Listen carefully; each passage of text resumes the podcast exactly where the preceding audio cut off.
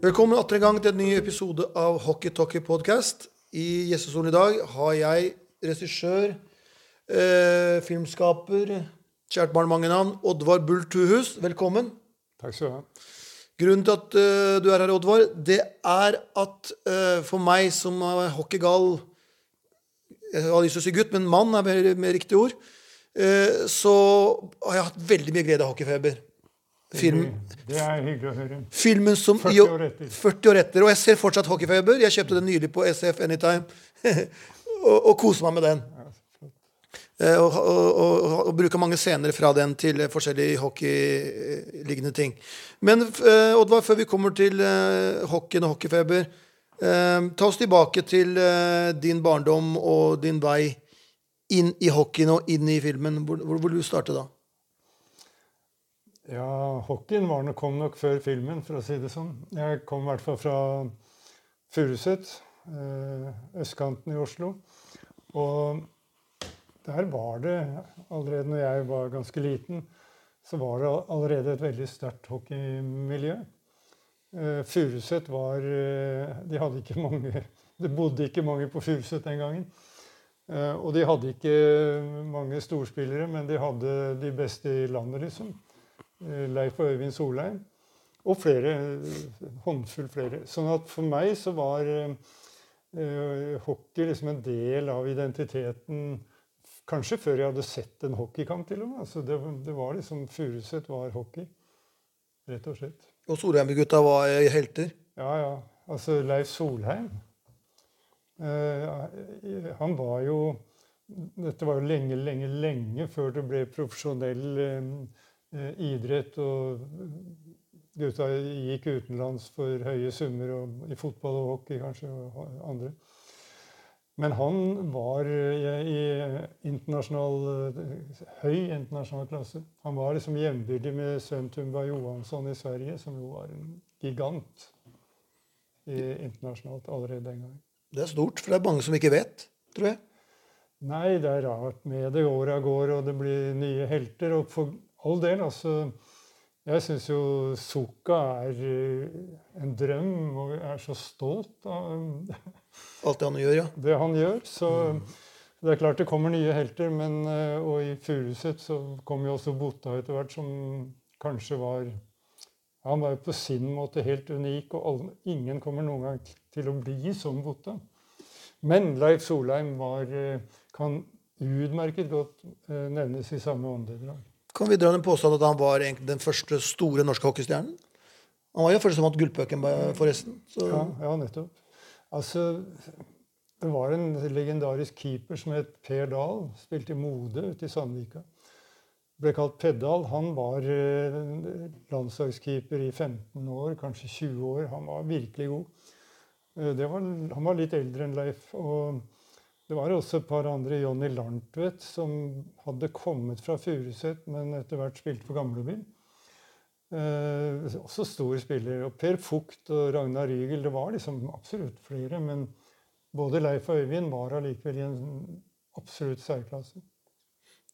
litt ekstra krydder at de var Furuset-gutter òg, da. Ja, ja. Det, det hjalp vel på. det, er ikke den mest saklige. Men eh, hvis vi da Du er jo født i 1940. Så det betyr jo at da, det er jo under krigen dine første barneår. Og det, ungdomstiden din blir da på 50 50-tallet. 50 Absolutt. Og, og på 50-tallet, hvis vi skal holde oss til i hockeyen, så er jo Furuset da blitt et eh, etablert eh, nesten dynasti. Bytter litt på med gamlebyen. Ja, ja. Det er altså i løpet av åtte år, fra, fra og med 49 og til eh, 6-57 Åtte mesterskap. Fire til Furuset, fire til Gamlebyen. De delte liksom alt i en lang periode da. Og bare Tigerne som kom imellom i 57 og ødela litt. Ja, så var de, det de, Tigerne kom året etter, tror jeg. og ødela litt der. Ja, og for, ja, I det hele tatt. Men du er da eh, en, en, har du da begynt å gå på ishockeykamper og se kamper? Eller følger du bare litt på avstand og liksom holder med Furuset fordi du da du er lokalpatriot? liksom? Ja, du mener nå? Nei, altså jeg tenkte på da i, i, i Ja, nei, da eh, Altså, alle gutta gikk jo på Vi gikk jo et ganske godt stykke opp i skauen og gikk eh, Sto på skøyter på Puttjern, som var eh, Det var et veldig ideelt vann å gå på. Der eh, lagde vi snøkanter og spilte hockey fra vi var sånn, la oss si ti år. da. Åtte, ni-ti år. Så begynte jeg på småguttlaget i Furuset da jeg var 13. Så da var det jo i hvert fall ingen vei tilbake, kan du si. Ja. Og så, samtidig så vi jo kamper og hadde du da et uh, ambisjonsnivå at uh, jeg, jeg Oddvar, skal da prøve å komme på Furuset-laget en dag og bli bli Leif Solheim, liksom? Eller var det følt... ja, på landslaget, ikke sant. Mm. Skulle høyt. Det, jeg var aldri i nærheten av det. Jeg var veldig interessert. Hadde, må jeg si, den dag i dag fantastisk mye fin, fine opplevelser og mye å takke hockeyen for. Men jeg var ikke noe storspiller. og Jeg tilhørte også en generasjon i Furuset, en mellomgenerasjon, som liksom kom litt etter da, de største, og før Bota-generasjonen. Mm.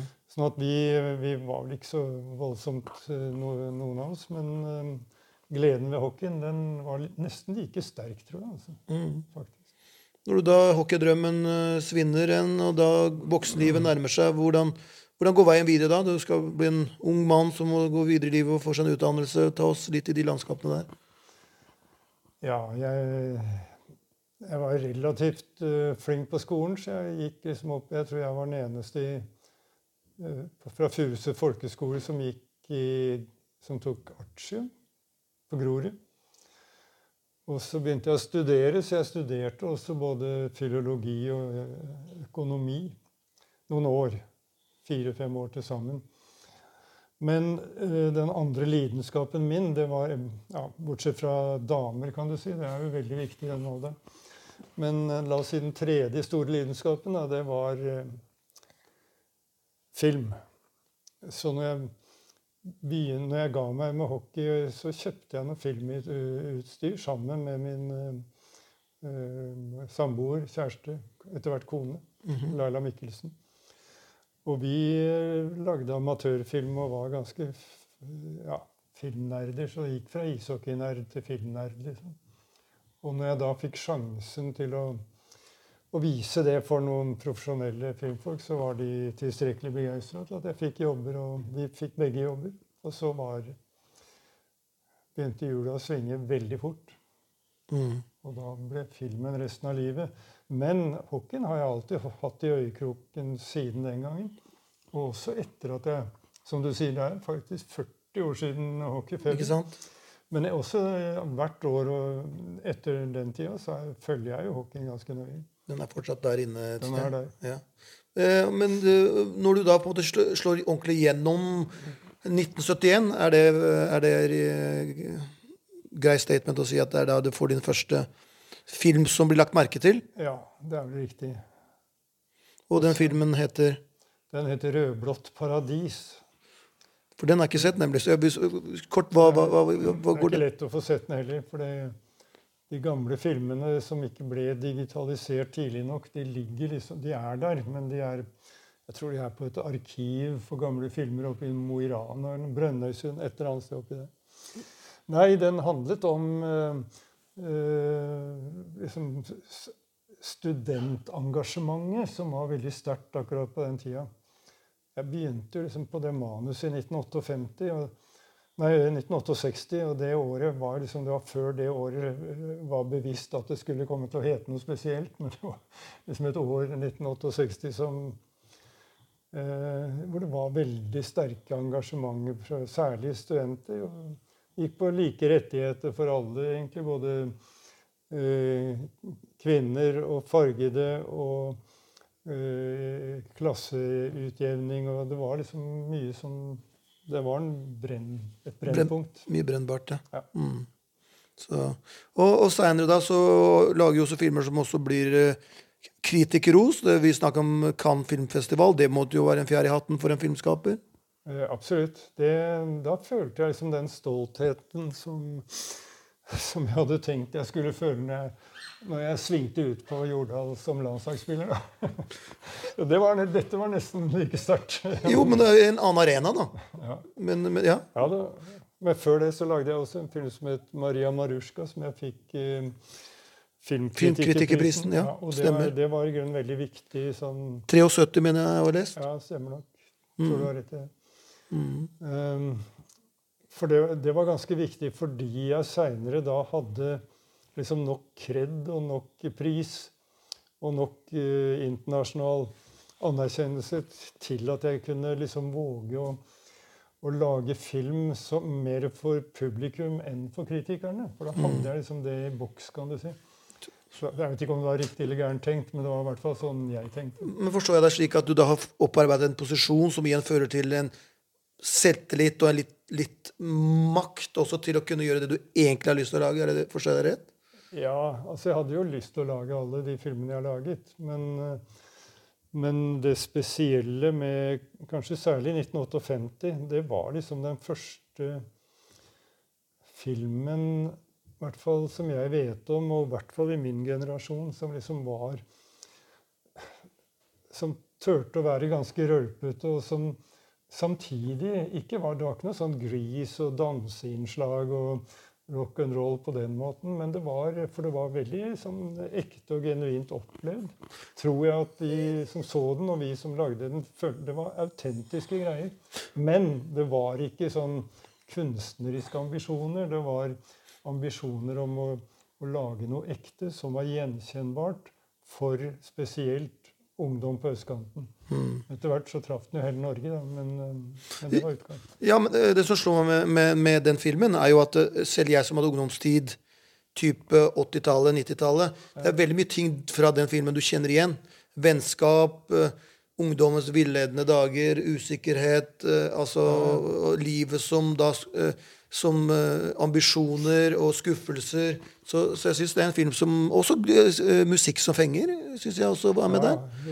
Jeg er veldig glad for at også du og din generasjon kan si noe sånt nå. For jeg, jeg har jo veldig god kontroll på min egen generasjon, både gjennom min egen ganske sterke selvkontroll, mm. men også i veldig mye tilbakemeldinger. Så, men at du også ser akkurat de samme verdiene for det var så viktig for meg, som jeg opplevde så mye mm. mer si, seriøst da, enn mye sånn Dildal. Følte at dette angår ja, vanlige folk, for å bruke et uh, litt tåpelig uttrykk. For meg personlig så skapte det en sånn, sånn lengsel etter en, en, tid som var. altså Uskyldigheten, vennskapet, ja. de vennene som uh, Noen av de er ikke her lenger engang. Altså det fikk meg til å bli uh, nesten emosjonelt, vil jeg si. For liksom, en tapt, en tapt ungdomstid. da. Som. Så jeg, jeg, jeg, jeg, likte veldig godt den. Syns den var sentimental samtidig som den var litt sånn sprudlende og musikk og, og, og morsom. Mm. Men dette var en periode da hvor du Det sies at du gikk i en ny retning, for vi får jo tre Skal vi kalle det østkant uh, Oslo ungdomsfilmer. Er det da Var det da din ungdomstid som du da på en måte porsjonerte i tre forskjellige filmer, eller hvordan tenker du rundt det? Ja, altså 1958 eh, var opprinnelig eh, skrevet av Tore Torell. Eh, også, men vi hadde veldig lik oppvekst. Og så kom jeg inn i bildet fordi jeg, det var en annen av mine filmer som ikke ble noe av. Så kom jeg da inn i bildet der og gjorde en god del forandringer og tilpasset til min virkelighet. Så du kan si det er en, en blanding av Tores og min virkelighet oppvekst. Så vi hadde nok veldig felles, begge to altså hadde veldig felles um, interesse. Og referansepunkter, sikkert. Ja, og, Men mm. vi hadde også veldig felles interesse av å, å treffe både vår generasjon og de, gjerne de som var noe yngre, selvfølgelig. Ja. Og da passer det bra, og når vi går 80-tallet har satt seg og, og hockeyen i Norge vokser jo på 80-tallet. Fra slutten av 70 til 80 så er det jo en boost. Og det tror jeg skyldes ved at vi var med i f.eks. OL i Lake Placid. Det ga jo litt sånn piff. Også, og publikumsstrømmen er jo ganske økende. Arbeiderbladet skriver masse hockey. Og så kommer da, og så, har vi fått, så vil jeg si at Bjørn Skåre Botta, da, som hadde vært i NHL, som da ble en posterboy for norsk hockey Og vi plutselig da, i 83, oktober 83, så kom jo filmen 'Hockeyfeber' ut. Og det er her jeg er veldig spent på hvordan fikk du ideen om å lage en film om hockey? Selvfølgelig, da, Nå skjønner jeg fordi at du var hockeyentusiast, men veien dit Jeg regner med at det ikke var rett fram, at det var en del noen, som hevde, noen øyebryn som ble hevet. Ja da, det, det, er det nesten alltid. Og særlig den gangen hvor det ble laget mye færre eh, norske filmer enn de gjør i dag. eh, så var det jo alltid en strid og en konkurranse om hvert eneste prosjekt. Det, det var det. Og, men det spesielle med hockeyfeber den gangen og tilblivelsesprosessen, det var også at det var eh, Folk sa, både Norge og internasjonalt, at nei, glem å lage idrettsfilmer, sportsfilmer. Det er Folk vil se sport live, som de gang på TV. Du får ikke noe publikum å, å vise det i en spillefilm. Og jeg tror nok at det jeg har Det er jo mm, sikkert basert på en god del mm, erfaring både i, både i Hollywood og andre steder, og i Norge.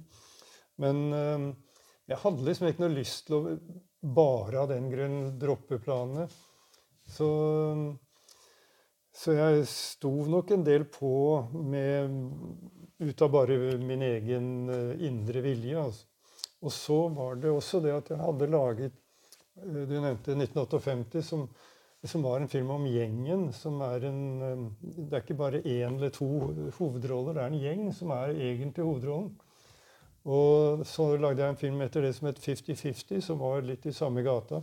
Som var, eh, egentlig handlet om et band. Mm. Og så var en del av dette poenget med hockeyfeber også at det skulle handle om laget. liksom. Sånn at jeg har vært ganske Og særlig selvfølgelig i den perioden. Så var jeg ganske opptatt av, eh, av det kollektive framfor det individet. Mm. Og samtidig, det skal jeg også si, at jeg syns hele livet har jeg lært så, ja, så mange ting av lagspill og, og, hockey for min del. Og særlig den der ganske interessante si, balansen mellom nettopp lagspillet og samtidig solospilleren. Altså Begge deler er nøyaktig like viktig for et uh, lags uh, ypperste prestasjoner. ikke sant? Mm. Og det, det syns jeg folk ofte blir Enten skal det være det ene, eller så skal det være det andre. Men begge deler er helt avgjørende for å liksom, få nå den, den toppen. da. Mm. En slags kamp der, der hvor individet må tilpasse seg Eh, laget, og laget må ta på seg stjerna. liksom. Det er ikke lett. Slags, nei, det, er, det skikkelig sosial oppdragelse, altså, samfunnslæring på høyt nivå. Men det, hvis du bruker tid på det og er interessert i det, så får man utrolig mye igjen for det. Men når begynte liksom, du tenkte at nå fikk jeg grønt lys, nå kan, hva var gjennombruddet til at du da satte i gang med produksjonen? Ja, der er det jo alltid sånn at det er eh, Manuskriptet er jo helt avgjørende for at du har en, eh, en trygghet når du lager film. Og der, Det begynte egentlig med en uh, kollega som også var ganske sportsinteressert og produsent. Og plutselig så foreslo han at vi skulle spørre Kjell Halbing. Morgan Kane, Kjell? Morgan Kane. wow, ja. Og jeg synes, eh, jeg hadde ikke klart det, må jeg innrømme. Jeg hadde ikke klart å komme på den ideen. Men jeg synes, helt spontant syns jeg det var en kjempeidé. Så vi dro ut der og eh, fordi, Ja, kan jeg ringe ham, da? spurte Kjell, eh, produsenten. Ja, ja, bare øs på. Og Kjell Halbing var ganske sånn hyggelig og sa ja. Til slutt så sa han ja, kom ut en tur, så kan vi snakke om det. Og vi dro ut da, og han hadde nok eh, allerede nådd en slags fase av litt krise, skrivesperre. Men han eh, var veldig, eh, veldig presis og hyggelig. Og en, jeg vil si en god vert. Han satte liksom en flaske whisky på bordet, og den, det var av et bra merke. Han hadde råd til det. Var, Solgt mange bøker, vet du. ja, ikke sant? Så på alle måter så var det en, en, en veldig hyggelig kveld. Men etter hvert så ble vel han eh, ja, I en liten parentes midtveis i samtalen så spurte han om ikke jeg heller ville lage en film på Morgan Kane. Og det, det syns jeg absolutt burde gjøres, men jeg var helt like sikker på at det var ikke jeg som skulle gjøre det. Jeg er glad du sa nei til det. Mm. Jeg er glad du, du valgte hockeyfeber. Men i hvert fall så, eh, også så ble vi enige med at vi må møte, tenke på dette her og møtes en gang til. Og det var en like hyggelig kveld. Men det endte med at han nok erkjente at han eh, ikke klarte å ta på seg noe som var allikevel for han såpass fremmed. Så det gikk i null. Og etter det så, ja, så hadde jeg en kort, et kort eventyr med en amerikansk eh, filmforfatter. Men det, han ble sjuk, så det ble, falt i fisk. Og så kom jeg i kontakt med Bjarne Rønning, som var eh, en ivrig eh, sportsentusiast og fotballspiller i Kjelsås. Han hadde enten rett før eller rett etter blitt trener i Fredrikstad, så han var liksom en han hadde peiling, og han var mye mer oppdatert på dagens, altså datidens dagens idrett enn jeg var. Og han hadde, skrevet, han hadde skrevet en bok som hadde fått uh, faktisk eh, en eller annen pris hos Gylden. Så mm, det ble et godt samarbeid. Og vi var veldig nedpå begge to. og Han var veldig ålreit å, å jobbe med. Hadde ikke noe greie på hockey, egentlig, men uh, veldig greie på lagidrett. Så vi fant hverandre godt, og da kunne vi sette i gang etter det. da. Mm. Og eh, når du setter i gang innspillingen altså, Du må ha noe som skriver selve storyen, da. ikke sant? Ok, hvor- den skal være sånn og sånn, og så må det filmes, og så må det praktisk, da, alle praktiske tingene gjøres med disse lagene. Men det må jo ha vært en ganske omfattende arbeid å få i gang hele det sirkuset for å få det da til slutt sammen til å bli en film.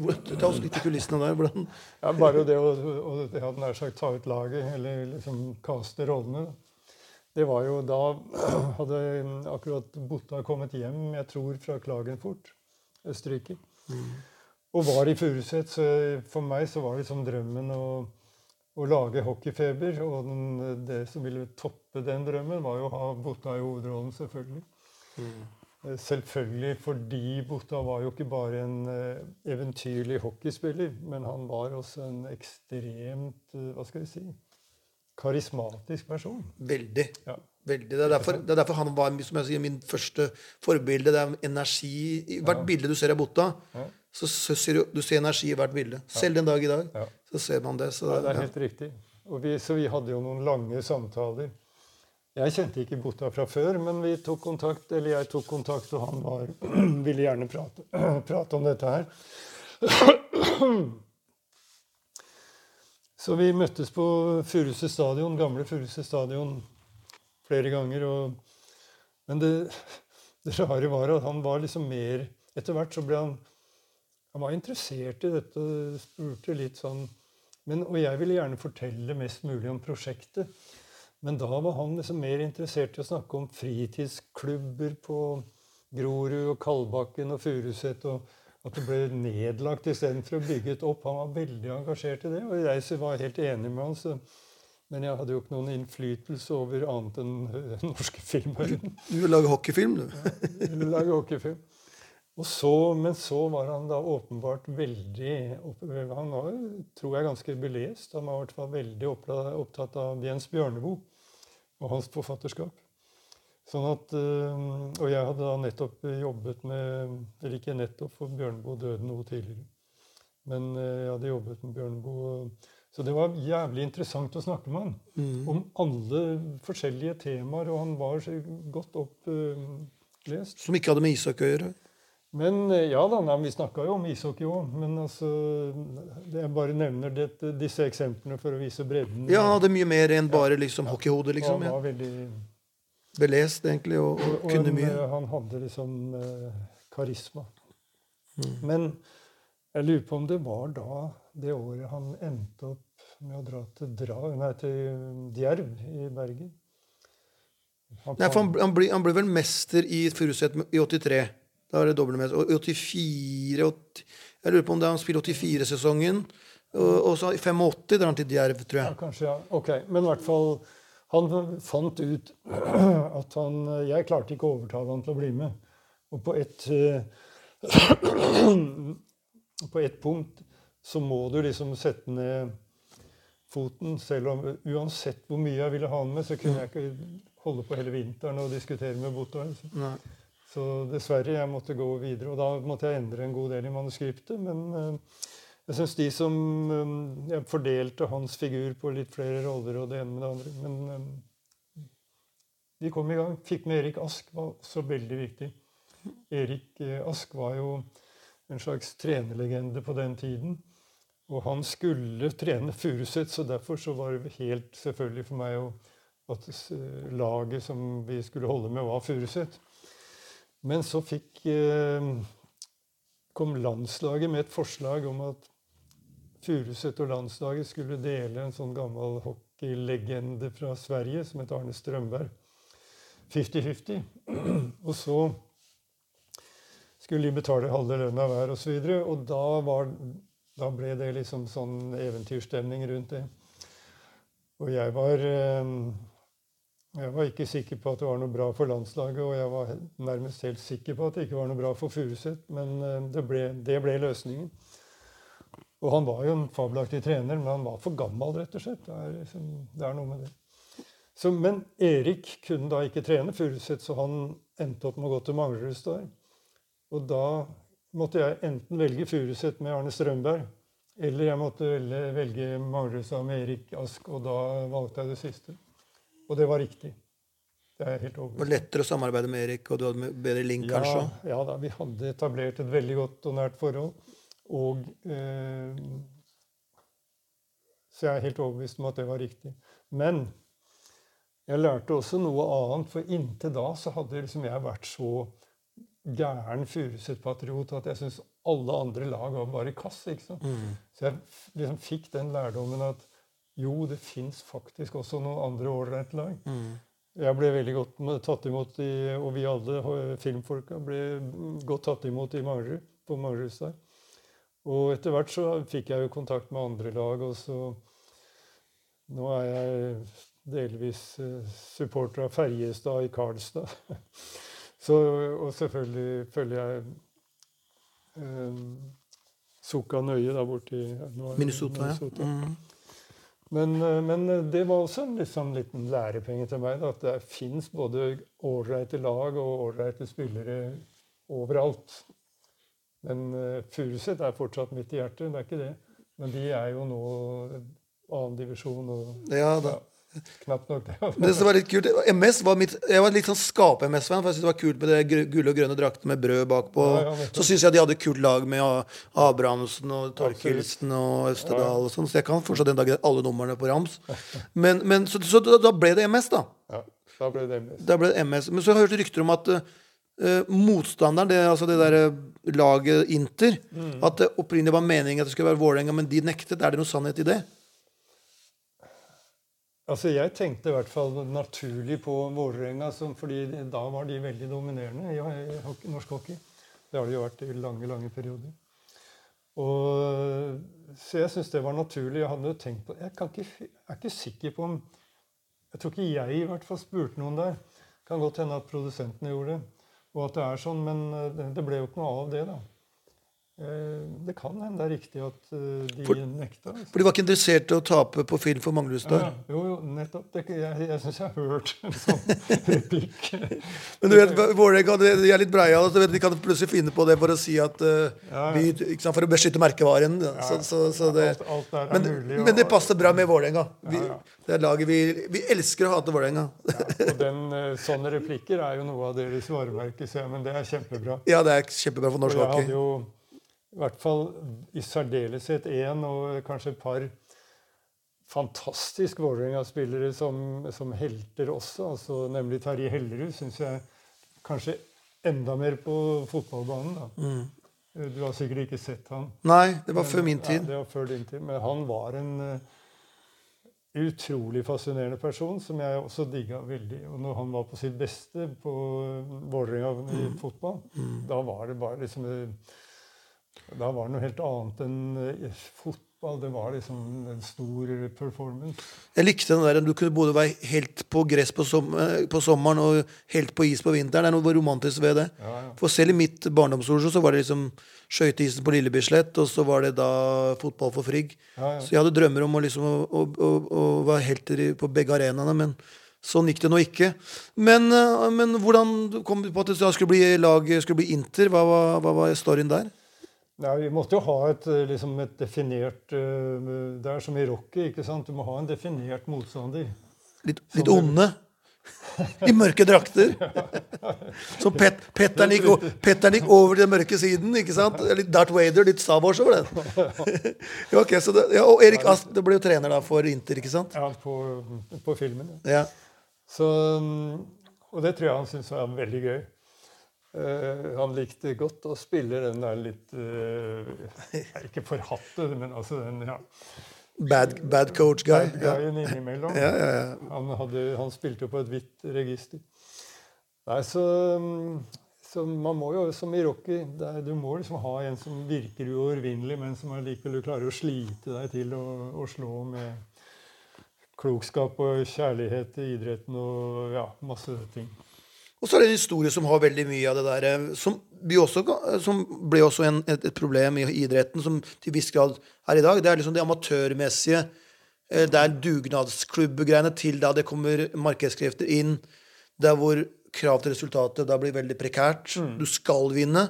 Mens, ah, mens før så var det sånn en gjeng som da hadde vokst sammen og spilte sammen i en klubb, som da på en måte hadde det gøy. Ja. Og, og, og jeg pleier å si at uh, amatør, hvis du tar de to ordene fra hverandre Ama, amor, det kommer jo fra kjærlighet. Med en gang da du, du, ikke er amatør lenger, så forsvinner litt av kjærligheten. og, og det får man jo litt av i hockeyfeber også. Ja da. Det, altså, hockeyfeber er jo interessant epokemessig fordi den liksom var helt på tampen av den litt mer gammeldagse dugnads- og samholdskulturen, klubbkulturen. Og det mer kommersielle nye som mer og mer har dominert, og som man akkurat nå når- i overgangsvinduet stanser i England, så ser du liksom nesten groteske utslag. altså, Ja, voldsomt. eh, internasjonalt.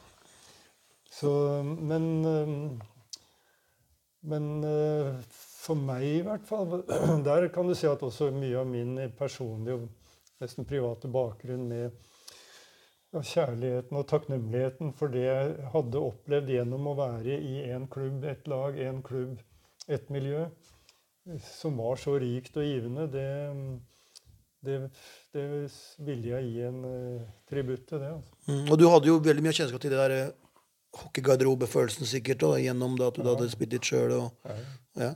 Så ja. absolutt. Så, ja. Så, ja og, men rent sånn filmteknisk eh, Det må jo ha vært utfordrende liksom en idrett som lagidrett som går så fort, eller verdens raskeste lagidrett, å få satt dette på film og få det til å se ordentlig ut. og Ja, det var eh, Hvis jeg skulle i ettertid si at det var noe som Et eller annet som gjorde at jeg nølte litt med å lage hele filmen fra starten av, så var det ikke liksom det kampen om å få finansiert og penger. Det var ikke ditt, og det var ikke datt. Og, men det var liksom Klarer vi å lage bilder ute på isen? Altså ikke stå utafor banen med teleobjektiver, men være med i spillet. Klarer vi det, liksom? For det går så uhyggelig fort. ikke sant? Ja, ja, ja. Og, um, nå hadde jeg en fotograf som jeg hadde jobbet med sammen tidligere, som het Halvor Næss. Han var ikke hockeyspiller, men han var en ganske god bandyspiller, så han kunne skikkelig gå på skøyter. Det hjelper jo. Og dermed så mm, Og han var dessuten veldig sterk, fysisk bygget, så han var mm, Så Halvors eh, skøyteegenskaper og hans biceps, det var to veldig viktige. han fikk jobbe. Ja. Så han jobba, men eh, du vet, det kommer liksom i et spill, så er det jo Det går så fort med de partene som er ute på, av spillerne. Og så plutselig skal du ha e- ett element til som de overhodet ikke er kjent med, men som er vårt kamera, som også beveger seg ganske hurtig. Og lage dette til eh, Det blir gærent å kalle det for ballett, fordi jeg innbiller meg at ballett er altfor enkelt sammenlignet med de Ja, ja, ja. timingutfordringene som vi hadde ute på isen.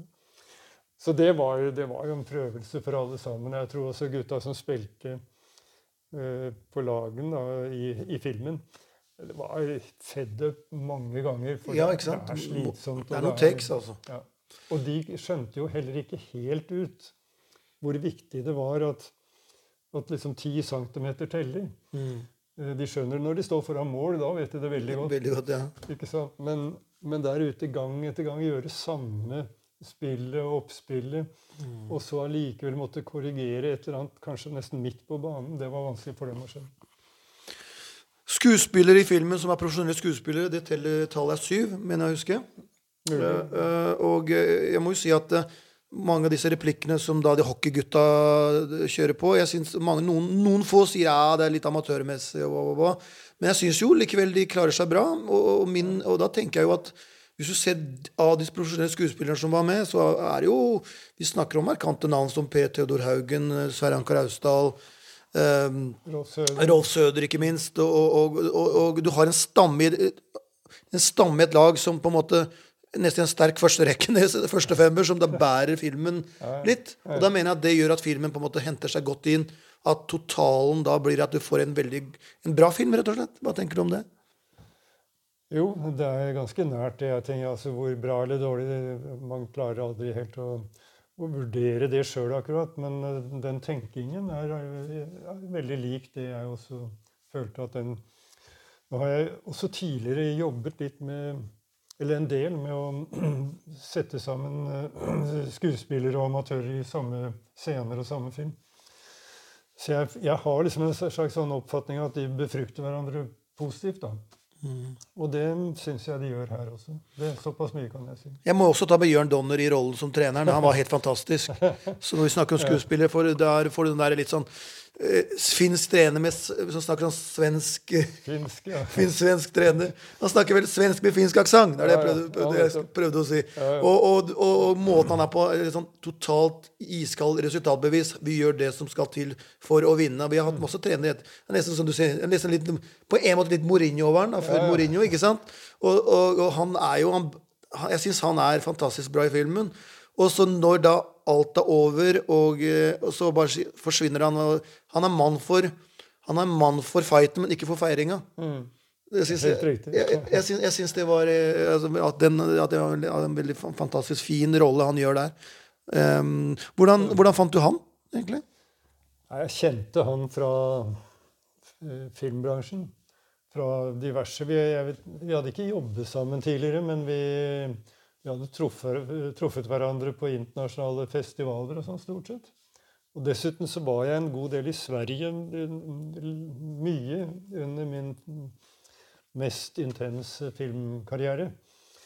Så jeg møtte han der, og han var gift med Han var på det tidspunktet gift med dattera til en av til Bonnier. Altså, så han var liksom en sånn figur som alle alle omtalte med stor respekt og beundring, og kanskje noen også med avsky. Det er mulig, mm. også, for han var veldig sånn eh, kan man, man, kan nesten eh, sense det på rollen hans. ja, ja, jo, men, men, det er jo noe der også.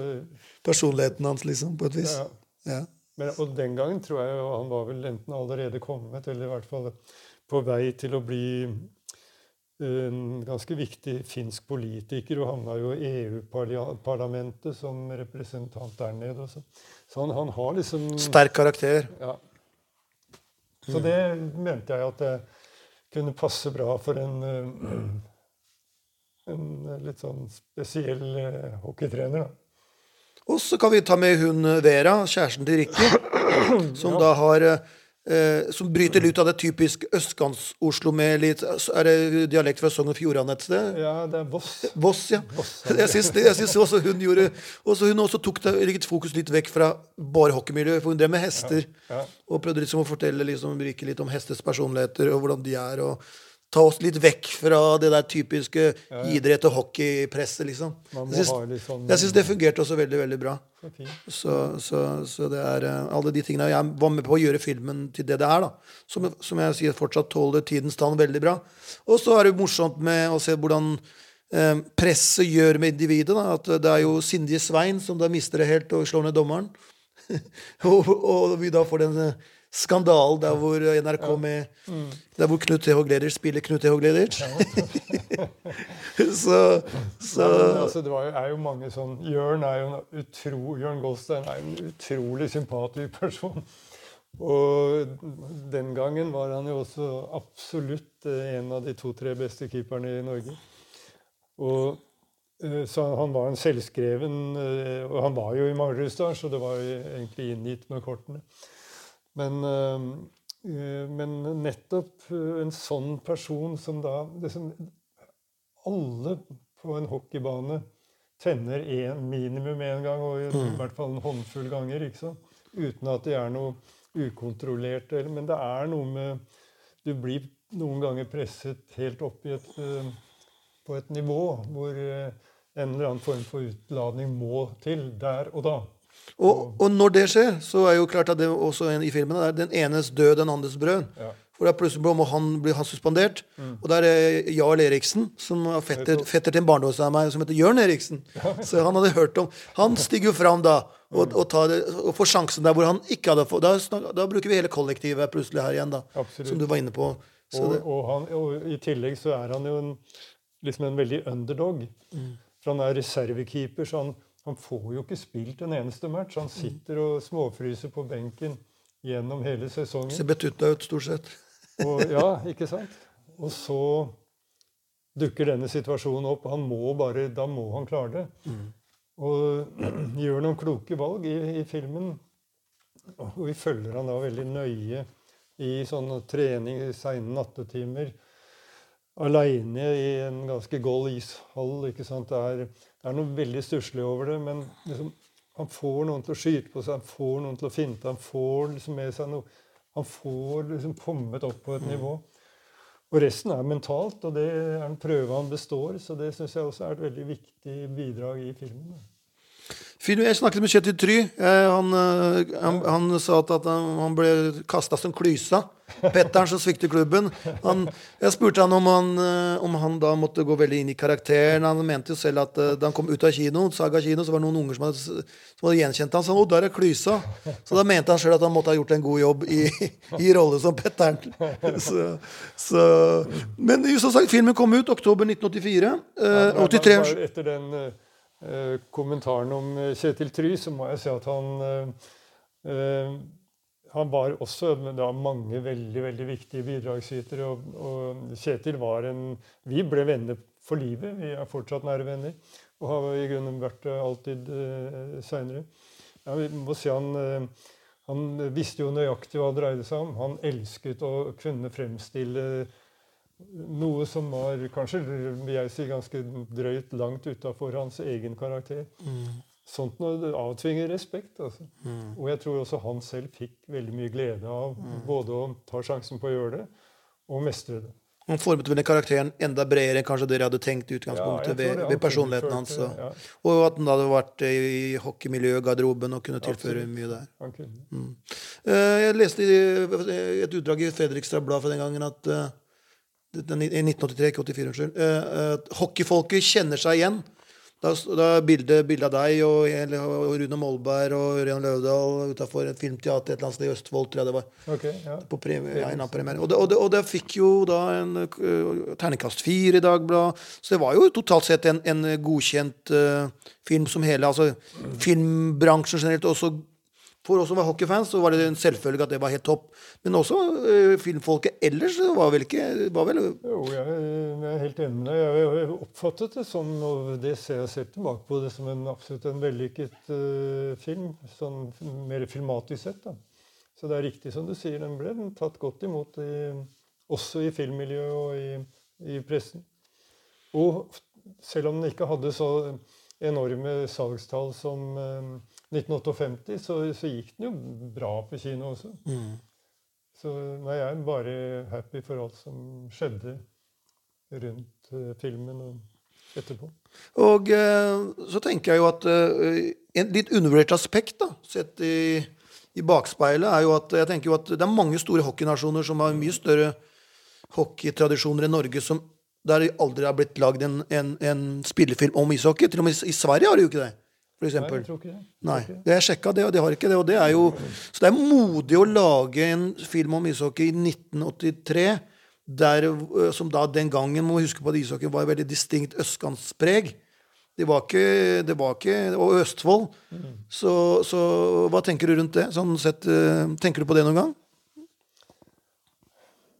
Nei, jeg vet ikke. Det er, det er riktig som du sier. Jeg har noen, kanskje noe mer å tilføye om det. Nei. Men uh, senere fikk jo da for da Youngblood, det ble jo uh, hockeyfilm. Det ble jo tatt godt imot. Så, og, og jeg føler jo også at uh, Hockeyfeber var med å hjelpe Manglerudstad til merkevare Manglerudstad. Fordi de var liksom Ja, det kan godt hende. Til en viss grad det, det ville jo det være naturlig, og særlig fordi at filmen Og det er, En ting er publikumstall på kino, men jeg har, får jo stadig tilbakemeldinger om at, at filmen eh, at hockeyfeber blir liksom sett av ungdom i dag. liksom. Og i hvert fall altså, i miljøet, da, hockeymiljøet. Mm. Det blir, blir spilt på, i busser, på mobiltelefoner når de er på vei til bortekamper og sånn. Altså Det syns jeg er utrolig fantastisk. Både rørende og, og gledelig og positivt. Da. Ja, jeg, jeg, sa jo litt sånn på spøk at uh, Iskrigerne ble så populære. Men vi hadde Iskrigerne, vi òg. Vi hadde hockeyfeber. Det var lenge, 40 år, 30, 35 år for Iskrigerne. Så det var, så det var vår, vår, tids iskrigere var jo på måte, var på en måte hockeyfeber. Så uh, Oddvar, hvordan har uh, livet vært etter hockeyfeber, og er hva gjør du i dag? Hvordan er ja, jeg har eh, vel Etter hvert så går jo åra, og man er ikke så Altså filmyrket som regissør altså ute i marken er ganske tøft. Og jeg ga meg i og for seg ikke fordi det var for tøft, men, øh, men det ble mer min skjebne. Og det sagt, ble mer at jeg ble tilbudt noen lederjobber både her og der. Både på Norsk Filminstitutt og dramasjef i NRK. og hva mer ble jeg? Ja, kanalsjef. Eh, NRK2. Og, sånn. Og, når, og, og, det holdt jeg på med faktisk i 15 år. Helt til jeg ble pensjonert.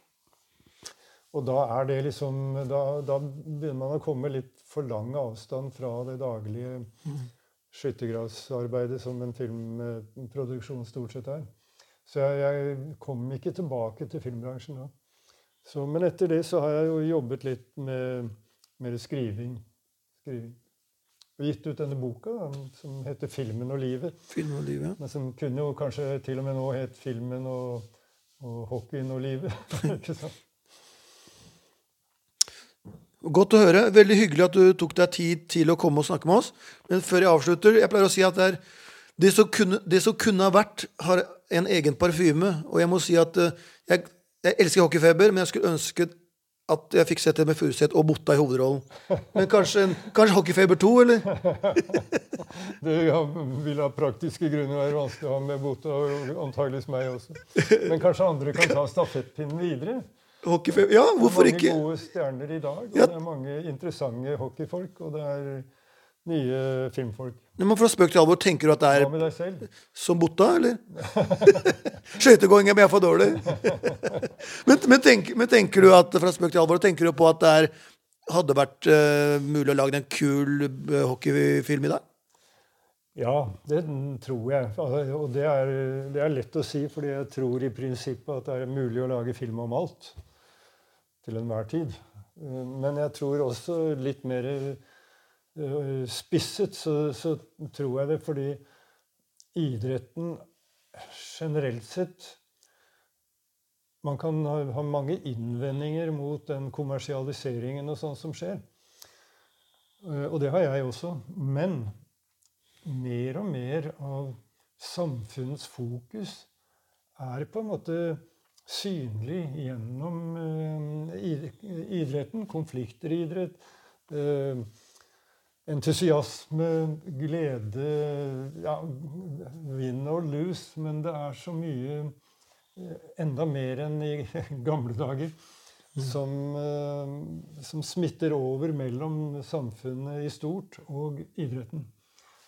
Eh, så Derfor så mener jeg at på, med helt andre utgangspunkt og helt andre innfallsvinkler i høyeste grad er mulig å, å lage interessant og relevant og engasjerende stoff. Da håper jeg noen filmskapere der ute som da tar tak i det. Ja. Og det var Tusen tusen takk for at du tok deg tid til å komme. Det var en eh, glede å få møte deg, og endelig få møte mannen bak eh, en av mine favorittfilmer, 'Hockeyfeber'. Tusen takk, takk skal du ha. Takk.